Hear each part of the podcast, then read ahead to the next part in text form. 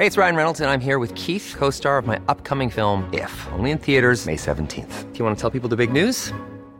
All right, I'll do. Sign up now and you'll get unlimited for $15 a month in six months of Paramount Plus Essential Plan on us. Mintmobile.com slash switch.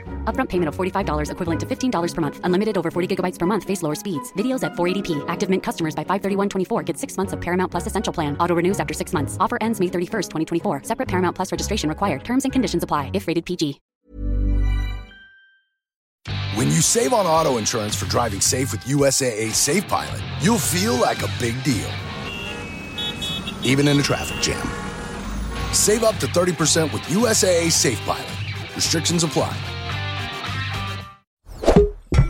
Tony Media. Het is oorlog in Europa. Gaan we allemaal dood in een kernoorlog? Nee, ik denk het niet. Gaat deze oorlog de wereld veranderen? Dat weet ik zeker. In samenwerking met Dagblad Trouw probeer ik met deze podcast grip te krijgen op de oorlog. Hier houd ik je op de hoogte van de situatie in Oekraïne en Rusland. Eerst nog even dit. Ik ben in Kirgizië en het is hier bloedheet, tussen de 37 en de 40 graden. Perfecte omstandigheden om een shirt te testen dat ik kreeg van onze sponsor Bamigo. Bamigo is groot geworden met de beste boxershorts, ondershirts en sokken. En je vindt hier alle kleding die je nodig hebt op één plek. De kleding van Bamigo is gemaakt van een zelfontwikkelde bamboetextiel die duurzaam en ademend is. Dat heb ik dus gemerkt hier in Kirgizië. Terwijl de mussen van het dak vielen, bleef ik uh, ja, in mijn shirt en mijn boxshort lekker fris. Exclusief voor de luisteraar van de podcast krijg je 25% korting op je eerste order met code Jelle25. Bamigo heeft recent de nieuwe Polo opnieuw uitgevonden met alle voordelen van bamboe tot in detail afgewerkt en verkrijgbaar in 10 verschillende stijlvolle kleuren. Dus dat is ook nog een optie. En dit is wat er gebeurde op dag 126 van de oorlog. Nou ja, eigenlijk vooral op dag 125. Vanwege het tijdverschil en de draaischema's uh, moet ik mijn informatie wat langer van tevoren verzamelen. Ik ben vannacht aangekomen in Narin, na een lange rit met een groep Kirgizen. Ik vond opvallend dat ze liever het gesprek voerden in het Engels in plaats van in het Russisch. Ook al was hun Russisch beter. Ze wilden graag oefenen om de taal beter te spreken.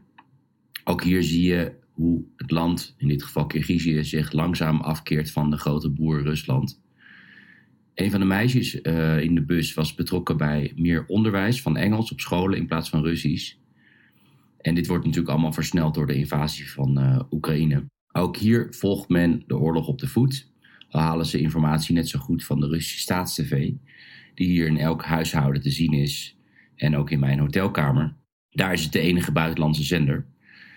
Wat ik op de Russische tv niet heb gehoord, is dat Oekraïne verder gaat met het offensief in het zuiden. In de buurt van de stad Gerson zijn de dorpen Zeleny en Barvinok bevrijd. In de Donbass worden gevechten gemeld ten zuiden van de stad Lysychansk onduidelijk is of die stad nog helemaal in Oekraïnse handen is. Intussen ergens boven de Poolcirkel, op het eiland Spitsbergen, lopen de spanningen op. Het eiland is gedeeld door Rusland en Noorwegen en volgens de Russen hebben de Noren een levering met voorraden voor de Russische zijde geblokkeerd.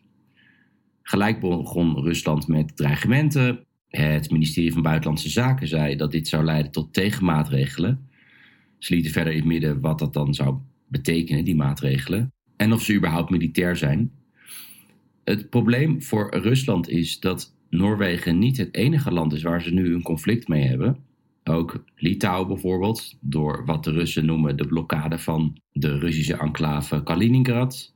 Maar ook Kazachstan, omdat ze die republiekjes Donetsk en Luhansk niet willen erkennen. Finland en Zweden ook, omdat ze nu bij de NAVO gaan, enzovoort, enzovoort terwijl ze nauwelijks terrein winnen in Oekraïne en alle aandacht van de Russen daarom daar naartoe gaat. Dus het is moeilijk om in deze situatie geloofwaardig te dreigen. Je kan moeilijk vijf landen tegelijk invallen natuurlijk. Gaan we door naar de Russische media. Een interessant stuk in de tabloid Komsomolskaya Pravda over de dood van de Russische zanger Jura Shatunov, enorm populaire zanger. Hij overleed vorige week aan een hartaanval op 48-jarige leeftijd. En de krant interviewt zijn manager, die aanwezig was op het moment dat Shatunov zijn hartaanval kreeg. En die manager belde 112 of de Russische 112. Maar daar zeiden ze dat hij Shatunov zelf maar naar het ziekenhuis moest brengen. Dat is op zich niet ongebruikelijk in Rusland. En als ze komen, dan eisen ambulancebroeders vaak geld om de patiënt naar het ziekenhuis te vervoeren. In ieder geval, die manager die brengt hem naar het dichtstbijzijnde ziekenhuis. En daar zeggen ze dat dit een moeilijk geval is en dat hij naar een ander ziekenhuis moet worden gebracht. Ja, een hartaanval komt natuurlijk niet vaak voor. Dit keer wel een ambulance, maar dat was een soort bestelbusje zonder apparatuur. En Shatunov die overlijdt in de ambulance, of eigenlijk dus gewoon in een busje. Veel woede bij de Russen, want het, ja, het is een populaire zanger. En het volgende bericht is veel geliked en gedeeld door Russen. En het luidt als volgt. Ik ben klaar met dit land. In plaats van moderne apparatuur voor ziekenhuizen geeft ze miljarden uit voor doden van kinderen in Oekraïne. Wie trouwens denkt dat de culturele elite in Rusland met afkeer naar de oorlog in Oekraïne kijkt, die komt bedrogen uit. Dat blijkt wel uit een interview met Michail Piotrowski, de directeur van de Hermitage, met de Russische krant Rassiskia Gazeta, letterlijk vertaald trouwens Russische krant. In het interview zegt hij dat de oorlog met Oekraïne past in de imperialistische traditie van Rusland. Nou ja, hij is in ieder geval eerlijk. Geen gelul over de neiging van de NAVO. In het interview verder zegt Piotrowski: Dit is mijn land, wat er ook gebeurt. Er zijn situaties dat het duidelijk is dat je je land steunt. Als de situatie serieus is, dan zijn er geen opties. Wanneer wapens spreken, moeten de muzen ook spreken. Cultuur staat niet boven politiek. En na de oorlog moet je denken dat iemand je zou vragen: wat heb jij gedaan om je land te steunen? Zijn samenwerking met andere musea in het buitenland noemt hij trouwens onze eigen speciale operatie, onze culturele invasie. Niemand kan ons stoppen. Ja, ik ben heel benieuwd wat de Hermitage in Amsterdam van het interview vindt. Misschien wordt het tijd om eens te gaan samenwerken met een mooi museum in Kiev. Verder meldt het onafhankelijke persbureau Nechta een interessante vacature in Sint-Petersburg. Daar zoeken ze figuranten voor opnames in DNR en LNR, dus de Volksrepubliek Donetsk en Luhansk. De vergoeding is maar liefst 23 euro per opnamedag. De verwachting is dat die figuranten worden ingezet voor nepnieuws, bijvoorbeeld het vieren van de bevrijding van Luhansk of delen van Donetsk. Opvallend is dat ze kennelijk in dat hele gebied niet genoeg mensen kunnen optrommelen om iets te kunnen filmen. Dat zegt genoeg over de complete Pyrrhus-overwinning van Rusland. Oké, en dan nog dit. Dit is de laatste reguliere uitzending voor de zomerperiode van uh, de podcast, voordat de bom valt. 16 weken lang hebben we deze podcast gemaakt. Eerst elke dag en daarna twee keer in de week. En de eerste dag zou ik nooit hebben gedacht dat vier maanden later we nog steeds aan het uitzenden waren. Ik vind het een enorme eer om deze podcast te maken en nuttig ook. Het helpt mij om gedachten te ordenen over deze oorlog. Ik hoop ook dat het jullie heeft geholpen. Ik hoop ook dat jullie af en toe hebben kunnen lachen, want dat is volgens mij de manier om blijvende aandacht te houden voor dit conflict. Niemand kan elke dag alleen maar een bak met ellende verdragen. En het beste is om die ellende af te wisselen met hoop. Of in ieder geval humor. En het klinkt heel raar, maar ik heb ook af en toe wel plezier gehad. Dit klinkt nu een beetje als een afscheidsspeech, maar ik vraag me af of dit wel zo is.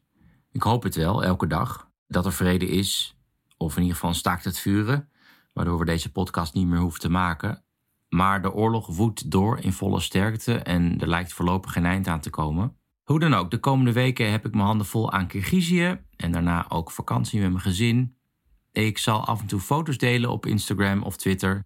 En daar zal ik ook af en toe nieuws delen over de oorlog natuurlijk. In plaats van voordat de bom valt, kan je vanaf volgende week luisteren naar de zomerspecial Rusland voor gevorderden. Gebaseerd op het boek met dezelfde titel. Mijn eerste boek dat ik heb geschreven, vol met reisverhalen naar absurde plekken in de voormalige Sovjet-Unie. Waardoor je Rusland en uiteindelijk ook deze oorlog beter zal kunnen begrijpen, hoop ik. Het wordt denk ik een hele toffe serie, met ook een heel rijk geluid. Het is heel leuk om te zien hoe mijn boek nu een nieuw leven gaat krijgen als podcast. Ja, net als nu zal die podcast twee keer per week verschijnen op de maandag en de donderdag. Ik heb geen kristallen bol, alles kan gebeuren. Maar ik weet wel wat de belangrijkste variabelen zijn in deze oorlog. en eh, die veel zeggen over het verloop van deze oorlog, namelijk de wapenleveranties in Oekraïne, het dwarsbomen van die leveranties door Russische bombardementen, de aandacht voor deze oorlog in het Westen, de moraal van het Oekraïense leger, vooral als Rusland in staat is om verder op te rukken, maar vooral in hoeverre Poetin nog in staat is om nieuwe zieltjes te winnen voor zijn vleesmolen. De moraal aan het front is nu al laag. Je hebt soldaten die deserteren, die weigeren te vechten, die zich tegen officieren keren. En er kan een moment komen dat het Russische leger in elkaar dondert. Zoals ook trouwens gebeurde aan het eind van de Eerste Wereldoorlog. Met een bloedige revolutie als gevolg. Dat moet ik er toch ook even bij zeggen. We gaan het allemaal zien deze zomer. We gaan eruit met muziek van een Kirgizische muzikant. Die met ons meereisde in ons busje onderweg naar een kleine nomadenbijeenkomst. Ik heb net ook een glas koemis gedronken. Dat is uh, gefermenteerde merriemelk. Kan best wel hebben, maar dit was echt best wel smerig. Maar goed, die muziek in het busje was dan wel weer heel erg mooi. En dat gaan jullie zo horen. Hoe dan ook, ik hoop dat jullie blijven luisteren. Volgende week zijn we er even tussenuit. Het eerste deel van de zomerserie Rusland voor Gevorderden is op maandag 11 juli. Tot dan!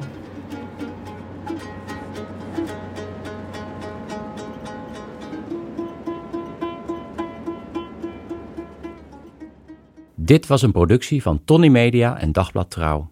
Voor meer verdieping ga naar trouw.nl. Trying to grab all the groceries in one trip? Oof, not how you would have done that. You know sometimes less is more. Like when you drive less and save with the USAA annual mileage discount. USAA, get a quote today. Hey, it's Paige DeSorbo from Giggly Squad. High quality fashion without the price tag? Say hello to Quince. I'm snagging high end essentials like cozy cashmere sweaters, sleek leather jackets, fine jewelry, and so much more. With Quince being 50 to 80% less than similar brands. And they partner with factories that prioritize safe, ethical, and responsible manufacturing. I love that. Luxury quality within reach. Go to quince.com slash style to get free shipping and 365 day returns on your next order. Quince.com slash style.